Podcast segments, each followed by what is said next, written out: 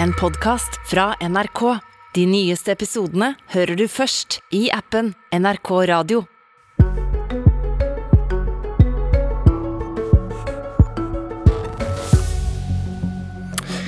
I 2005 klarte Jens Stoltenberg å få med mektige LO på en pensjonsreform. Men nå, 17 år etter, rustes det for omkamp. Flere blir tapere i systemet, og at man ikke får en pensjon som man kan leve av.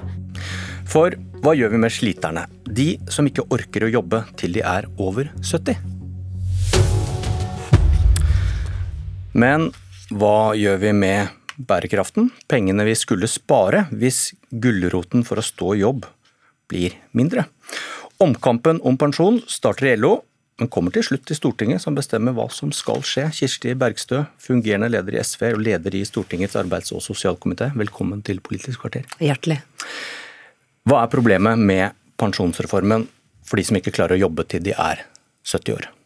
Problemet med reformen er at den favoriserer de som er friske, de som kan jobbe eh, lenge, eh, og straffer de som eh, ikke klarer det, fordi man kanskje er fagarbeider og har kortere utdanning flere år i arbeid, eh, og også større slitasje på kroppen sin. Og Sånn blir det jo en veldig urettferdig reform, eh, som slår eh, sosialt skjevt ut. Og Da er man nødt til å endre på, på det for å sikre et mer rettferdig pensjonssystem. For hva er hensikten? Jo, det er jo at det skal sikre oss en verdig alderdom. Og Da kan vi ikke bare snakke om bærekraftige systemer, men sosial bærekraft. Folk skal kraft til å bære brød til bordet, betale regningene og ha en verdig alderdom. Og da må folketrygda være det som, som er bærebjelka i eh, pensjonssystemet. Men så skal da pensjonsreformen påvirke oss til å stå i jobb så lenge som mulig. Men SV vil da endre et av de viktigste grepene, det som kalles levealdersjustering. Hvis levealderen for din generasjon øker, så må du jobbe lenger for å ikke bli straffet økonomisk for å få den samme pensjonen. Hva vil dere gjøre med dette? Da må vi endre eh, levealdersjusteringa. fordi det er jo noe djupt urimelig med å se på ett årskull og eh, anslå hvor lenge det årskullet lever. Eh, for det er ikke sånn at alle lever lenger. Det er ikke sånn at alle innenfor et årskull lever like lenge. Folk som er i sliteryrker, eh, de lever ikke nødvendigvis lenger. Selv om eh, akademikerne gjør det, og mange eh, i, i akademiske yrker gjerne ønsker å jobbe lenger. Og Da kan vi ikke ha et sånt system som favoriserer de friske og de som klarer å stå i jobb lenge, og straffer de som, som ikke klarer det. Og hva vil deres justering av levealdersjusteringen koste? Vet du, Det kan jeg ikke svare på. Eh, og det er, eh, vi, vi, vet jo noe om hvor mye man sparer inn på dette grepet. Ja, det er ganske mange men, milliarder kroner men i, i Det vi også vet er at de anslagene som lå til grunn eh, for pensjonsreformen, og de svære tallene som ble brukt, dem er det grunn til å justere. og Derfor ser jeg spent imot denne pensjonskommisjonens okay. Er du enig i at det koster en masse penger å gjøre som SV vil? Ja. Visst koster det. Og det er alltid et spørsmål om fordeling. For vi har råd til en rettferdig pensjon. Spørsmålet er bare hvem som skal betale betaler regninga i dag, betaler sliterne regninga for at det er urettferdig. Derfor må vi omfordele mer rettferdig, sånn at flere kan skaffes en, en verdig pensjon. Ok, SV vil da fjerne et av hovedgrepene i pensjonsreformen, i hvert fall justere det. Men dere vet ikke hvor mye det koster. I går sto du på Debatten og argumenterte for å bygge opp Forsvaret så mye at vi skal klare oss uten Nato. SV støtter vel milliardene til norske bønder. Dere vil ha sekstimersdag, dere vil bygge lyntog, dere vil ha gratis tannhelse, øke sosialhjelpa, barnetrygden, for å nevne noe. Er det, er det noe av dette du vil avlyse for å ha råd til et rausere pensjonssystem? Jeg syns du ramser opp veldig mange gode saker eh, som er viktige samfunnsinvesteringer hvis målet er å få utslippene ned og forskjellene ned. Eh, og eh, når det gjelder forsvarsinvesteringer, så er det viktig for å trygge landet vårt. Men har SV også... råd til alt det jeg nevnte her?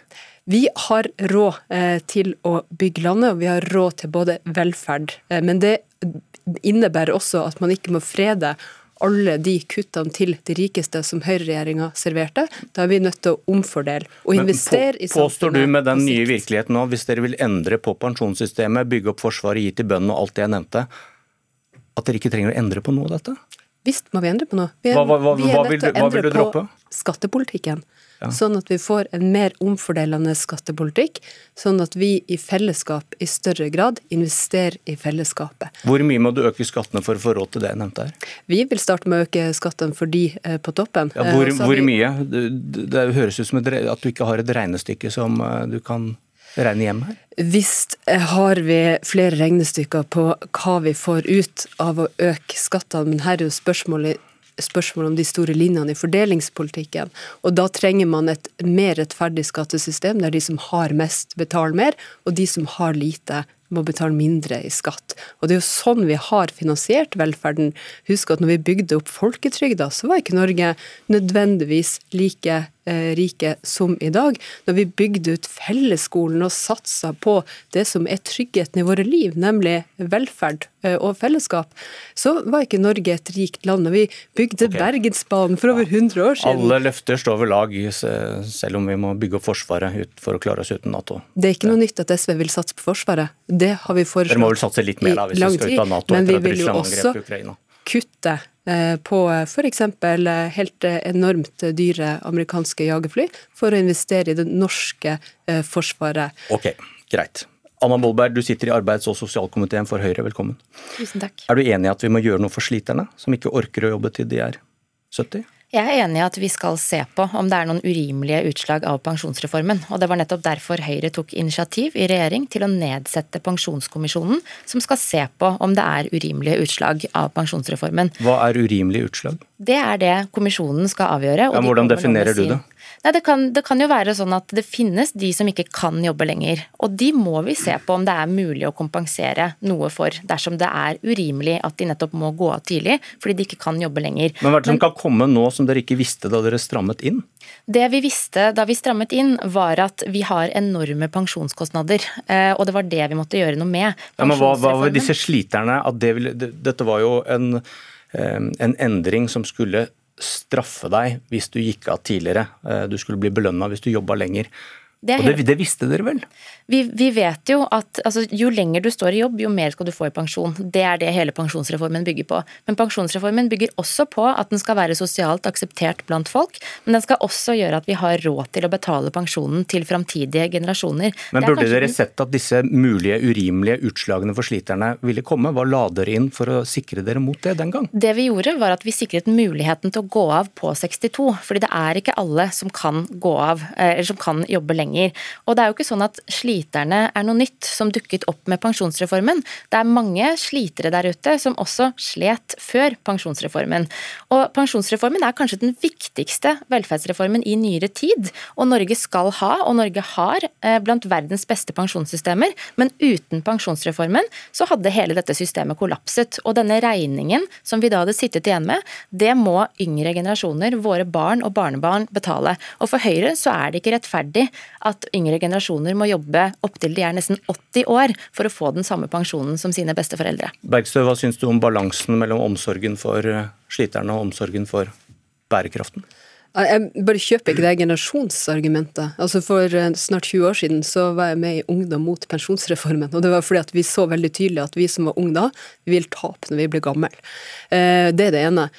Og det andre er jo at det er de som tar de tyngste løfta, som også må bære prisen av de hardeste kutta. Eh, og det nytter ikke å ha en rett til å gå av med pensjon om du ikke har råd til det.